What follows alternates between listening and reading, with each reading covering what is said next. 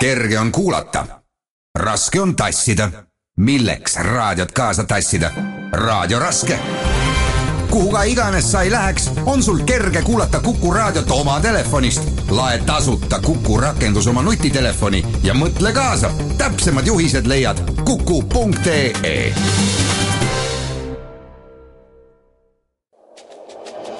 onu Raivo Rännakut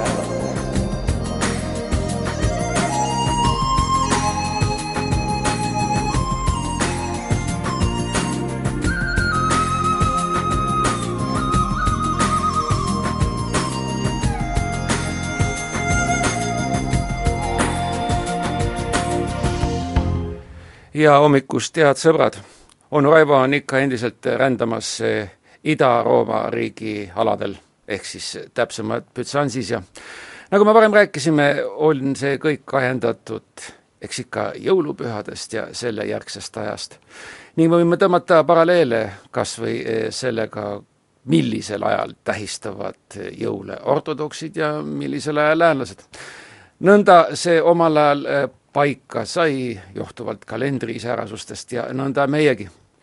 Rändasime koos Konstantinusega, kes tõi ametlikuks usundiks ristluse Rooma riigi territooriumile. Ning jõudsime lõpuks ka Bütsantsi, kus noormees nimega Justinus tegi läbi uskumatu tõusu ning tõesti-tõesti saavutaks lõpuks keisri positsiooni pärast seda, kui vanakeiser Anastasios viiesaja kaheksateistkümnenda aasta öösel suri. me rääkisime ka sellest, kuidas just Ida-Rooma riigi territooriumil oli levinud kaaskeisrite süsteem. selleks, et kindlustada võimalikult suurt poolehoidu.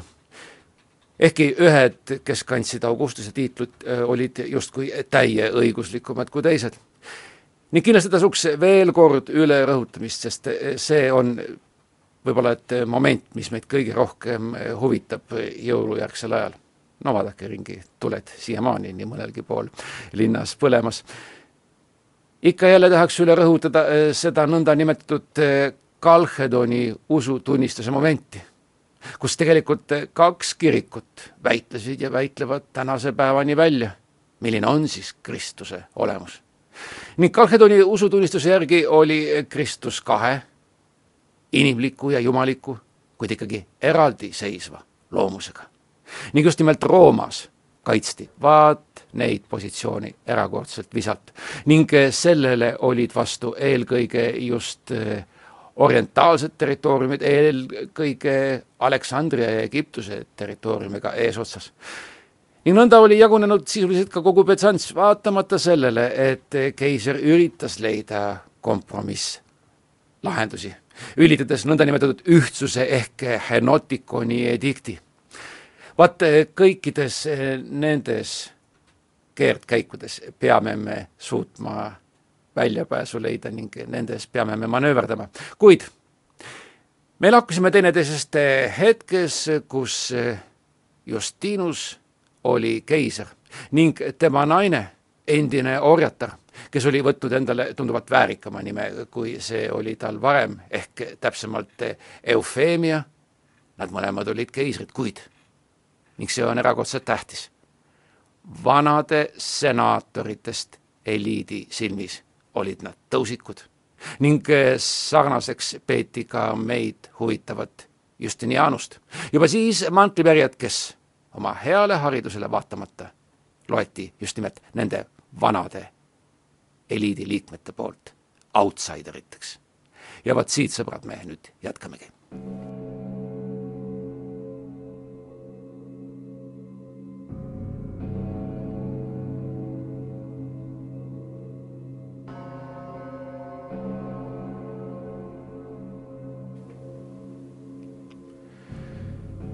Ning otsekui demonstreerimaks oma vaata et samaväärset positsiooni, kui võrrelda seda siis vana eliidi ja keisrikoja vahel, lasi üks selle eliidi rikkamaid ja väärikamaid liikmeid, ei keegi muu kui Lääne-Rooma keisri enda tütar, Anicia Juliana. ta lasi ehitada pühale polükteiktosele pühitsetud kiriku. Tol hetkel Konstantinoopolis suurima ja uhkeima kiriku. isegi võrreldes enne Justinianust rajatud Hagia Sophiat, ärgem ajagem segamini hilisema Hagia Sophiaga, mille sarnane praegugi troonib Istanbulis ning mida teie alandlikul teenril on olnud erakordne au tõepoolest külastada ning mõju on siiamaani tähelepanuväärne. ning see püha Polyeitose kirik oli justkui sihilik väljakutse uuele valitsusele.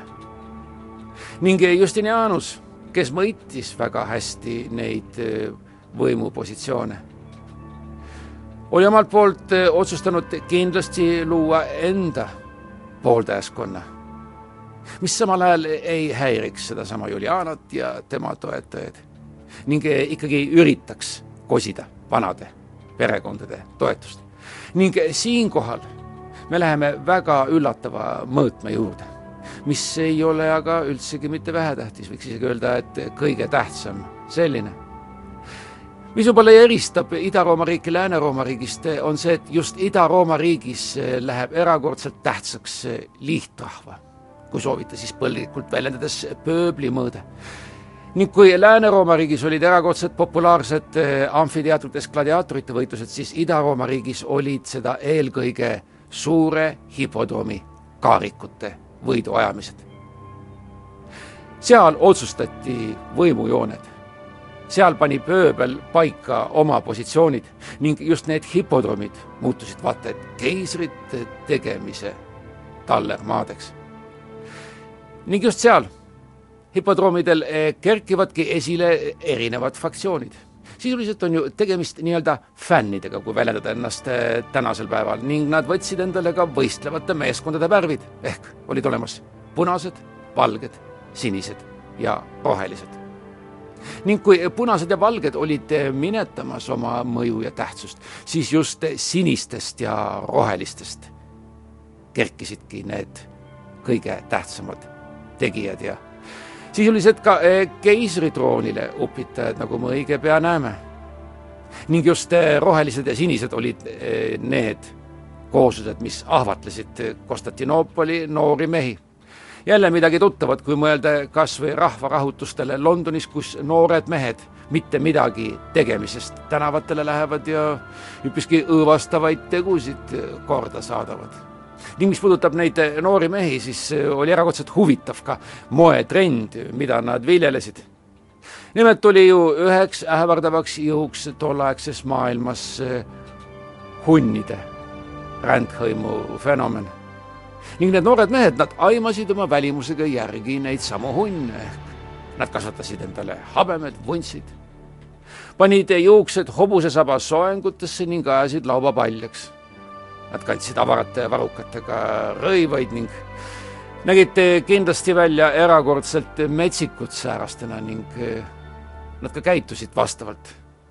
tihtipeale uitasid siniste ja roheliste jõugud mööda öist Konstantinoopolit ning õhutasid äh, vägivalda, kus aga pähe tuli. Ning kui üks üritas võtta mingi sammu ette, siis otsemaid oli teiste vastus seda raevukamalt ning olgu öeldud veel see, et ikka mõjukamaks saavad rohelised, kelle peale ilmselt kaude mängib ka vana liit, sest et sinised kuulusid just nimelt keisrikoja toetajaskonna hulka. Ning kogu seda teavet toob meieni ajaloolane Prokopios, ehkki tuleb öelda, et eh, selle mehe puhul tuleb teha teatud reservatsioone, sest tal on omad positsioonid ning ta on erakordselt hea advokaat, õigustamaks neid jõude, kes talle on meelepärasemad, kuid siiski on tema kirja pandu erakordselt väärtuslik. ning seesama Prokopios pidas nende jõukude raevutsemist lausa mõistusevastaseks tänase päeva ajaloolased on püüdnud sellele justkui paremat seletust otsida. üks säärastest hüpoteesidest oli see, et sinised esindasid Kalhedoni toetajaid ning rohelised nende vastaseid, niisiis Kalhedoni toetajad kui roomaliku positsiooni levitajad ning siis teised, kui soovite, siis pigem separatistlikumad sellised. kuid arvatakse, et ka see on kõigest teooria on teada, et Kalhedoni vastane keiser Anastasios pooldas hoopiski punaseid ja keisrinna Theodora, kes omakorda oli Kalhedoni vastane, oli jällegi siniste soosija, nii et tõeline virvarr, millest on erakordselt raske selgust saada. nõnda näib, et siniseid ja rohelisi ikkagi ei eristanud need teoloogilised vastuolud. arvatakse, et asi võib olla palju lihtsam et need märatsevad jõugud olid vajalikud siis, kui vajati sõjalist jõudu. sest tõesti, tõesti, kui ruttada sündmustest ette, siis on näiteks teada, et viiesaja neljakümnendal aastal, kui pärslased kogunisti Konstantinoopoli vallutasid, olid just nimelt need sinised ja rohelised sedapuhku siis ühtse jõuna kõige ägedamad vastupanu osutajad ka siis, kui sõjavägi oli juba põgenenud, nii et tegemist on eh, praeguse aja mõistes nii-öelda paramilitaarsete eh, gruppidega. samal ajal kasutasid nad relvadena ainult kaikaid ja kive. kusjuures eh, esialgu tundub, et keiser Justinusel polnud aimugi, kui ulatuslikuks oli tol hetkel tänavavägivald läinud ning kuivõrd jõuliseks olid kujunenud needsamad sisuliselt spordifännid. aga lõpuks läksid need äh, märatsejad tõesti liiga kaugele ja mõrvasid kellegi lugupeetud kodaniku otse Haia Sofia kirikus.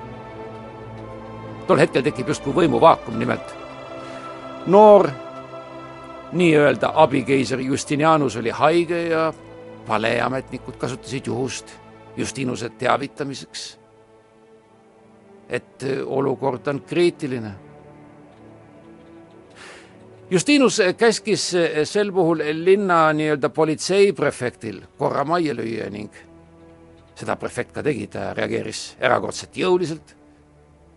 ning kui Justinianus paranes, üritas ta nii kummaline sellesama prefekti, kes justkui võimu päästis, kogunisti hukata lasta, kuid sai aru, et see on erakordselt ohtlik samm, arvestades just nimelt eh, neid eh, vastasjõude ning piirdus tolle pagendamisega Jeruusalemma. ning kui Justinianus Justinuse kõrval lõpuks ametlikult viiesaja kahekümne seitsmendal aastal kaaskeisriks sai, siis andsid nad välja edikti, mis käskis kõigis impeeriumi linnades rahu ja korda säilitada. loomulikult hea soovmõtlemine eriti arvestades, milline olukord, nagu me juba rääkisime, tänavatel valitses. ning ehkki, nagu me rääkisime, hakkasid rohelised ikka võimsamateks minema, jäi meid huvitav Justinianus ikkagi siniste pooldajaks. ning vaat just siis, kui see vägivallatsemine tänavatel oma kõrgpunkti jõudis vaat siis eh, toimub üks sündmus, mis osutub erakordselt tähtsaks ka keisrivõimu kindlustamisel. ilmselt on paljudel kuulajatel eh, tuttav ütlus, mis puudutab eh, tihtipeale just ka praegust poliitikat ja mis kõlab sääraselt. iga mehe selja taga on naine. nii räägiti omal ajal seda Ronald Reagani abikaasa Nancy puhul, nii ka paljude teiste kohta ning just eh, sel hetkel kohtub Justinianus naisega, kellest saab tema abikaasa ja partner keisritroonil. me rääkisime sellest, et eh, tema eelkäija Justinuse naine oli orjatar, kelle ta oli vabaks lastud ning tõstnud patriisti seisusesse. see ongi see eufeemia, kes oli pinnuks silmas eh, vanadel patriitsidel. ning vaat nüüd astub areenile umbes samasuguse taustaga kui mitte veelgi äärmuslikum naine. ning sellest, sõbrad, mõne hetke pärast.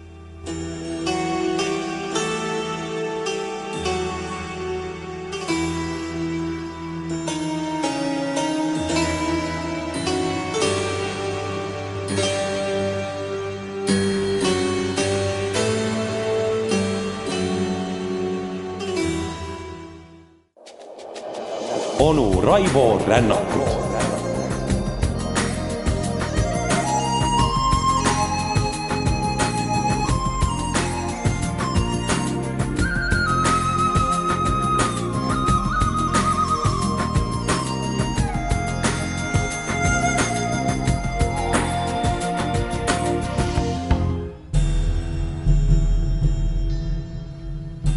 niisiis astub nüüd areenile naine nimega Theodora jällegi on kõik otseselt seotud nende samade hipodroomi fraktsioonidega. ehk ta oli roheliste fraktsiooni karupidaja teine tütar. ehk tema isa ametiks oli hoolitseda karude eest, keda kasutati tsirkuseetendustel ja loomavõitlustel. ja kui see mees äkitselt sureb, siis jääb temast maha kolm naist ning tema lesk, kes oli küll äärmiselt otsusekindel naisterahvas, läks otsamaid uuesti mehele. eks see naine lootis, et rohelised võtavad ka tema uue abikaasa karupidaja ametisse, aga paraku oli tolleaegsete reeglite järgi valiku tegemine fraktsiooni esitantsija eelisõigus ning too valis hoopis teise kandidaadi ja nõnda langeski Theodora perekond viletsusse. ema rõivastas tütred almusepalujateks ja laskis neil järgmiste võiduajamiste ajal roheliste tribüüni ette põlvitada ja abi anuda. kuid seda abi polnud äh, isegi rohelistelt mitte tulemas. seevastu aga taaskord paradoks olid juhuse läbi just nimelt sinised oma karupidajast ilma jäänud ja kaastundest kolme väikese tüdruku vastu andsid nad selle ameti nende kasuisale. Mis puudutab ka tüdrukute käekäiku, siis õige pea, kui nad piisavalt nii-öelda kaela kandma hakkasid, saatis ema nad lavale. sest tegelikult emal ei olnudki sisuliselt valikut ka tema kuulus sellesse samasse eh, teatrimaailma, kuhu kuulusid eh, nii paljud valitsejate soosikud, mis siin imestada, kuni tänase päevani välja on ikkagi näitlejannade puhul tegemist äärmiselt atraktiivsete inimestega, kas pole? Kuid näitlejannadesse suhtuti halvakspanuga. kogunisti eh, nii palju, et vaimulikud keeldusid neile sakramenti jagamast, enne kui nad olid lausa surmasuus. ning terveks saades ei tohtinud nad enam lavale naasta. ning näitlejannad ja nende tütred ei saanud oma elukutsest loobuda muidu, kui vaid nunna kloostrisse astudes, sest et etendused pidid jätkuma ja rahvamassid vajasid lõbustamist. ning arvatakse, et väga tõenäoliselt saatis Theodora ema oma tütred lavale, sest et ta ise oli olnud miima ehk siis praeguses mõistes miim mis puudutab Theodorat, siis eh, ei saa öelda, et ta oleks olnud eriliselt andekas. Ta ei osanud laulda, ta ei osanud mängida pilli, kuid eh, väidetavalt olla ta olnud üpriski teravmeelne ning eh, lausa kurikuulsaks sai tema leeda ja luige müüdi tõlgendus. teame ju seda, kuidas Zeus luigeks moondununa Leedat külastas ja talle järglase sigitas see on areaal, mille taustal võib tõesti õige frivoolseid improvisatsioone luua ning väidetavalt pälvis ta sellega tunnustust.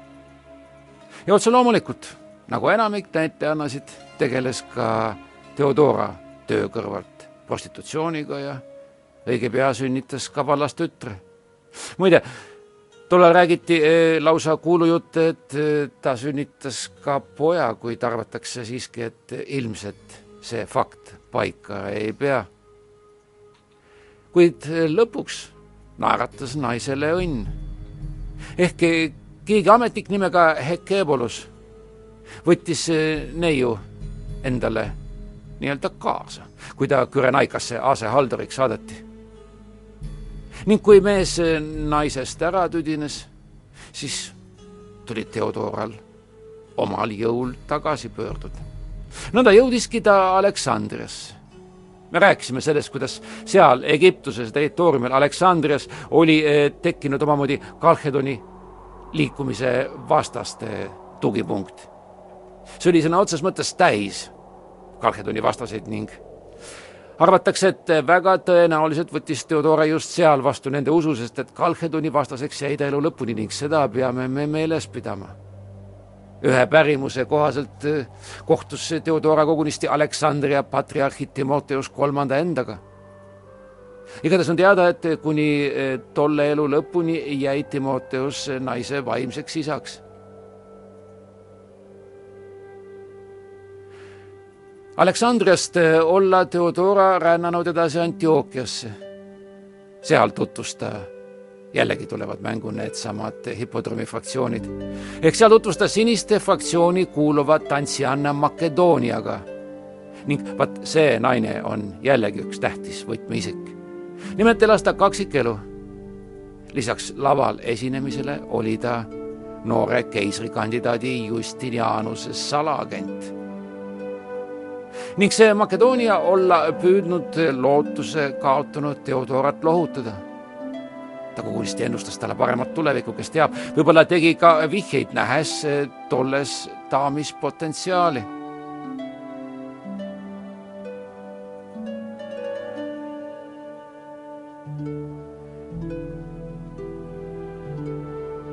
igatahes asi läheb nii kaugele, et kas ta no Makedooniale või mitte, kohtub Theodora Justinianusega. ta sattus elama Justinianuse Hormistase eh, lossi eh, kõrvale ning hiljem, kui Justinianus keisriks sai, lasi ta hooned koridoriga ühendada. just nimelt selleks, et eh, naist segamatult külastada. nõnda sisuliselt elavad nad vaba abielu, mis loomulikult ei ole soositud jällegi konservatiivsete ringkondade silmis ning muide eelkõige pani seda ühendust pahaks keisrinna Eufeemia, taaskord paradoks. endine orjatar, kes samamoodi oli tegelikult eh, tõusiku päritolu, ei vaadanud sellele ühendusele üldsegi mitte hästi. vähe sellest, ta seisis Justinianuse ja Theodora abielule lausa raevukalt vastu. ning eh, põhjendus oli tal varrukast võtta, nimelt ta viitas naisse Kalhedoni vastasusele ja otse loomulikult kahtlasele minevikule vallast tütrest rääkimata. kuid viiesaja kahekümne kolmandal aastal Eufemia suri ja pärast seda oli vana keiser Justinus juba nii-öelda mõjutatav. kuid ikkagi, mingil viisil oli vaja seadusest mööda hiilida, sest et eh, keiser Konstantinus oli senaatorite ja näitlejannade abielu ära keelanud Justinus tegi aga selle tee vabaks eh, iseenda poolt ülitatud eh, ediktiga, mis oli justkui rätsepa töö antud probleemi lahendamiseks ning edikt lubas pattu kahetsenud näitlejannadel minna mehele kellele tahes ning eh, vabastas patriitsi seisuses miimid vajadusest ka keisriluba taotleda. niisiis, kui miimile antakse patriitsiseisus, mis on ju loomulikult võimul olijate võimu pädevuses, siis probleem justkui ongi lahendatud. ning see edikt pärineb arvatavasti aastast viissada kakskümmend neli ning õige pea pärast seda Justinianus ja Theodora ka abielluvad. Nad teevad seda õigel ajal vanaldase Justinuse tervis nõrgeneb, lisaks sellele teeb talle valu ammune haav. ning pärast mõningast tõrkumist juhtubki see, et esimesel aprillil viiesaja kahekümne seitsmendal aastal kuulutab ta lõpuks sinnamaani konsuli seisuses oleva Justinianuse kaaskeisriks. Justinianus ja endine õnneotsija ja näitlejanna Theodora kroonitakse suures palees ning siis justkui kohustusliku liigutusena esitletakse keisripaari ka hipodroomil, kus siis mujal. ning see juhtub tõesti viimasel hetkel, sest neli kuud hiljem Justinus sureb ja Justinianusest saabki ainuvalitseja. nüüd on Justinianus troonil ning nüüd me võime hakata rääkima ka temast kui tegusest keisrist. kuidas siis muidu ei oleks see nimi kinnistunud ajaloo teadjate teadvustesse? ning millised on tema esimesed võimuaastad, mida iseloomustatakse lausa optimismi ajastuna, sellest saavad juba mõne hetke pärast. thank you thank you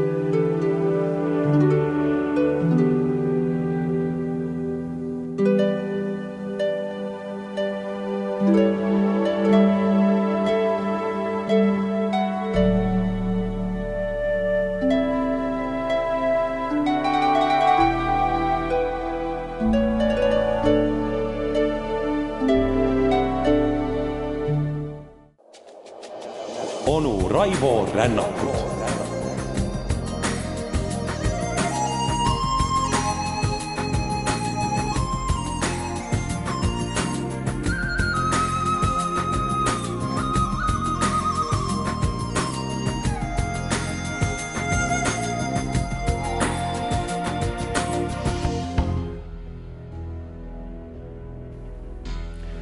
üldiselt loetakse, et Justinianuse valitsemise esimene kümnend oli lausa erakordsete saavutuste ajajärk.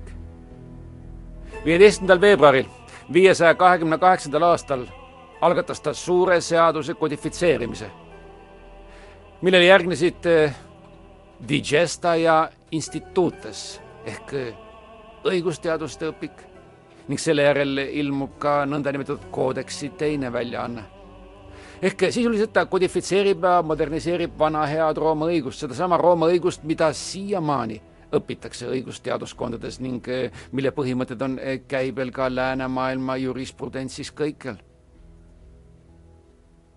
kuueteistkümnenda sajandi õigusteadlased eh, andsid kogu sellele tööle nimeks corpus juris civilis ning selle all tuntakse seda tänase päevani välja.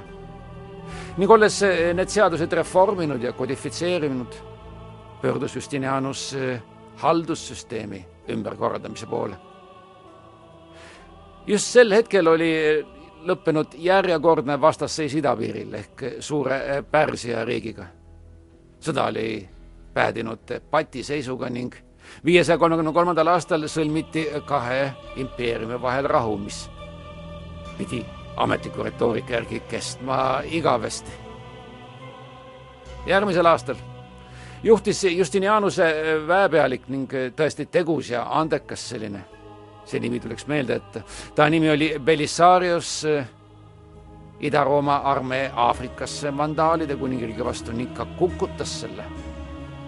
ning viiesaja kolmekümne kuuendal aastal alustas ta idakootide kuningriigi vallutamist ning see on erakordselt tähtis moment, ehk me jõuame Bütsansi riigi suuruse perioodi, sest et valitsesid ju kootid tol ajal Lääne-Rooma riigi territooriume. ning Konstantinoopoli suures palees valitsesid otse loomulikult eh, tol hetkel äärmiselt lootusrikkad meeleolud. Justinianus väljendas ühes seadus kogunisti lootust, et Jumal võimaldab tal tagasi vallutada maad, mis varasemate keisrite muretuse süül võõraste võimu alla langesid ning see kõik juhtubki. ehk veel enne sama aasta lõppu langeb Belisariose vägede kätte Rooma. ehkki siin kindlasti ei ole mitte vähetähtis fakt, et teda abistab paavst Silverius. kootide vaatevinklist vaadates oli tegemist reetmisega ning kõik ongi tõlgenduse küsimus, nagu ajaloos ikka. Ning Rooma äh, langemisele järgnes rohkem kui aastapikkune suur piiramine.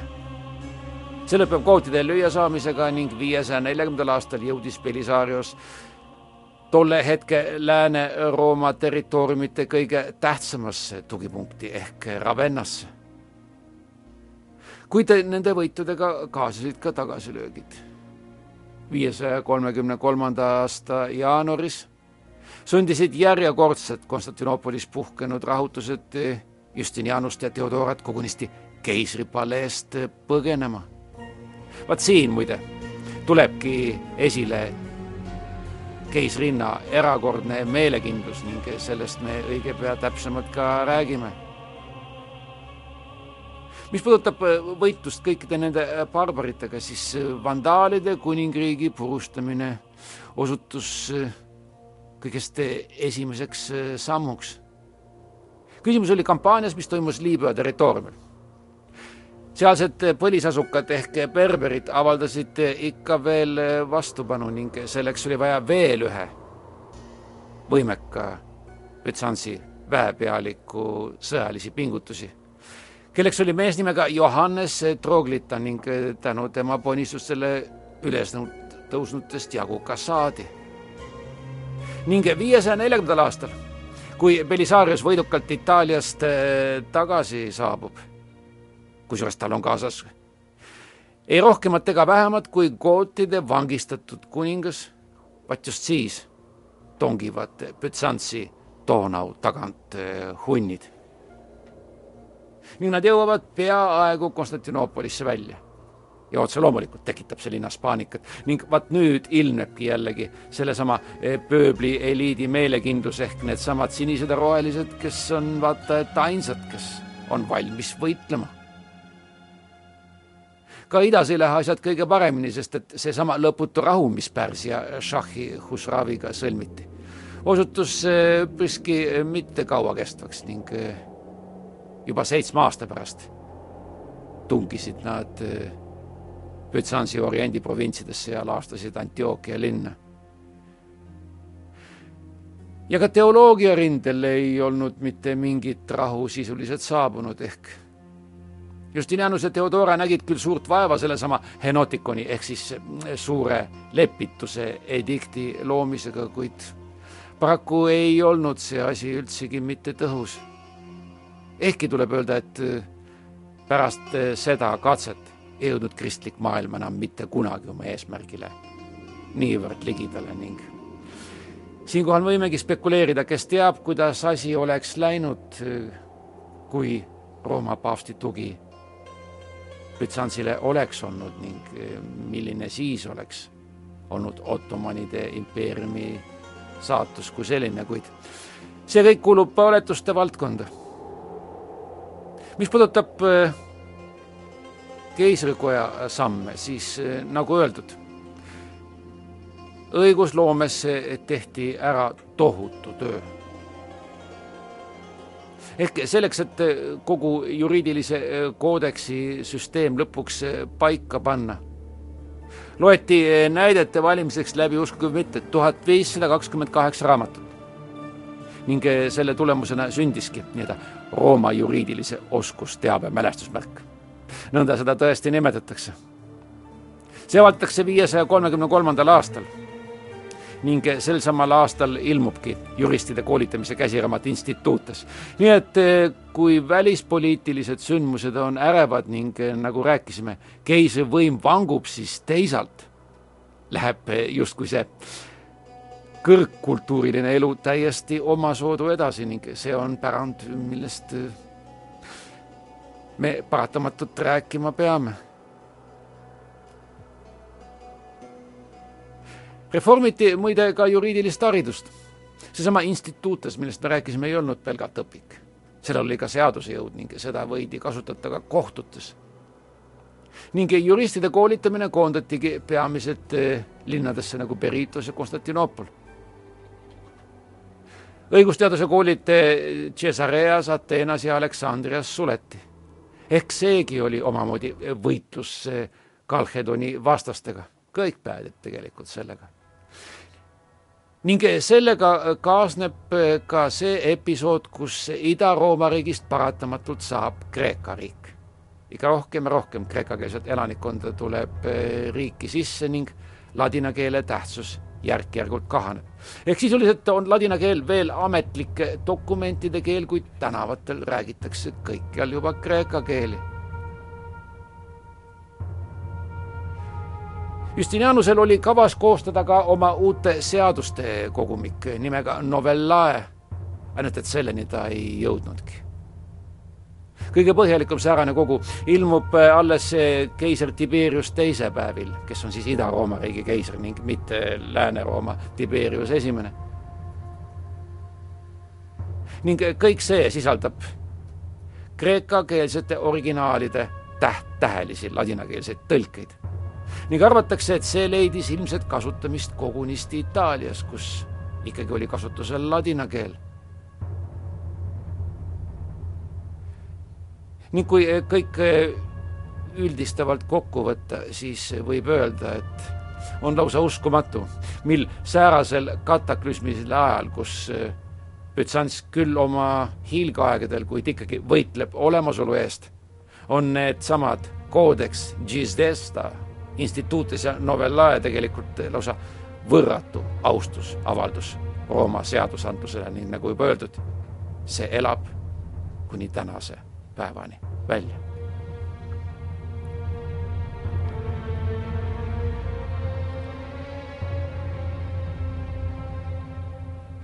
kuid nagu juba öeldud, Justinianusel muresid jätkus.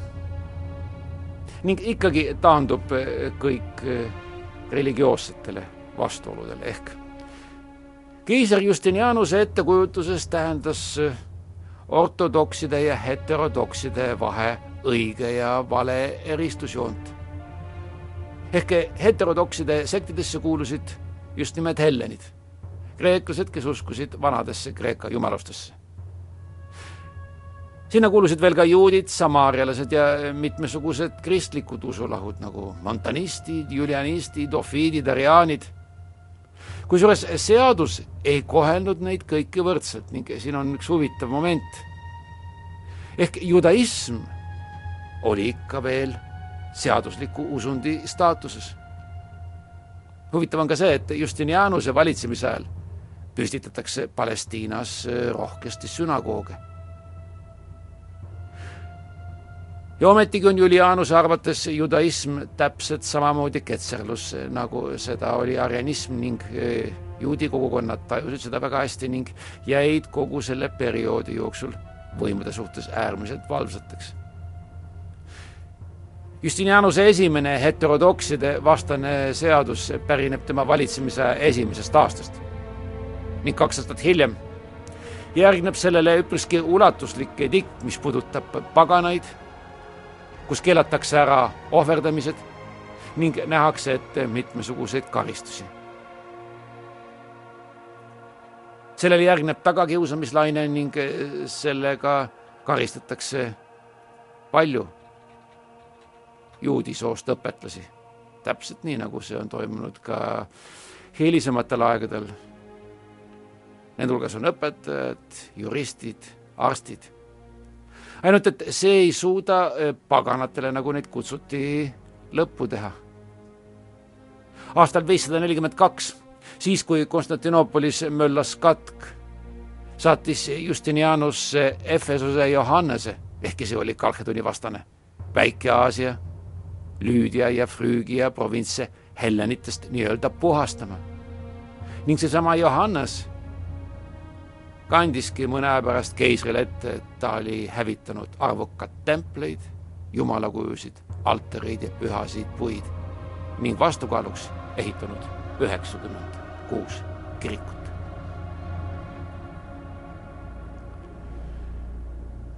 ning nagu öeldakse, kui metsa raiutakse, siis laastud lendavad ning järgmised laastud on tõeliselt kallihinnalised ning eh, vähemalt siinkõneleja poolt üldsegi mitte toetust pälvivad ehk üheks Justinianuse paganuse vastase võitluse ohvriteks oli ka nõndanimetatud Platoni uus akadeemia.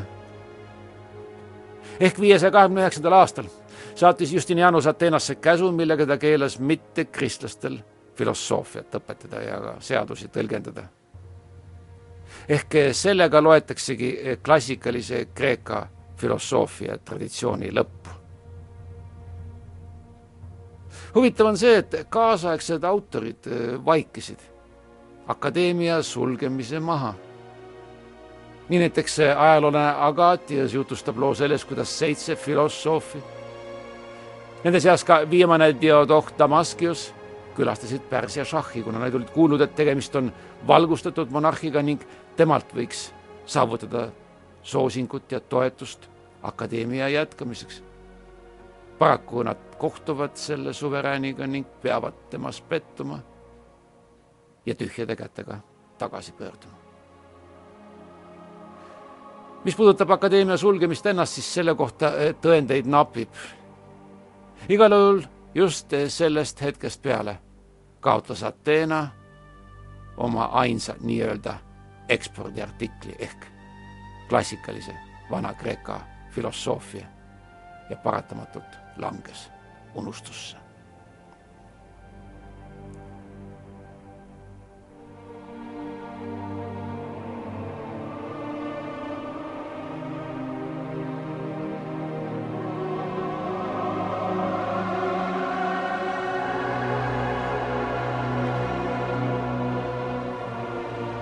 rääkisime juba sellest, et äh, ajad olid ärevad vaatajad igal rindel ning tulles tagasi eh, reaalsuses, tuleb öelda, et vastamisi seisavad ikkagi idapiiril needsamad kaks suurt ehk Ida-Rooma ja Pärsia impeeriumid. rääkisime ka sellest, kuidas igaveseks rahuks planeeritud olek kujunes vaid seitsmeaastaseks vaherahuks ning aastal viissada kakskümmend viis puhkeb taas sõda. ning vot nüüd astuvad näitelavale järjekordsed võimekad väejuhid. Neid paraku bütsantslastel tõesti jätkub. ning üheks selleks on mees nimega Sitas ta saab soosikuks, sest ta abiellus Theodora õe Komitoga ehk see on üks nendest kolmest õest, kes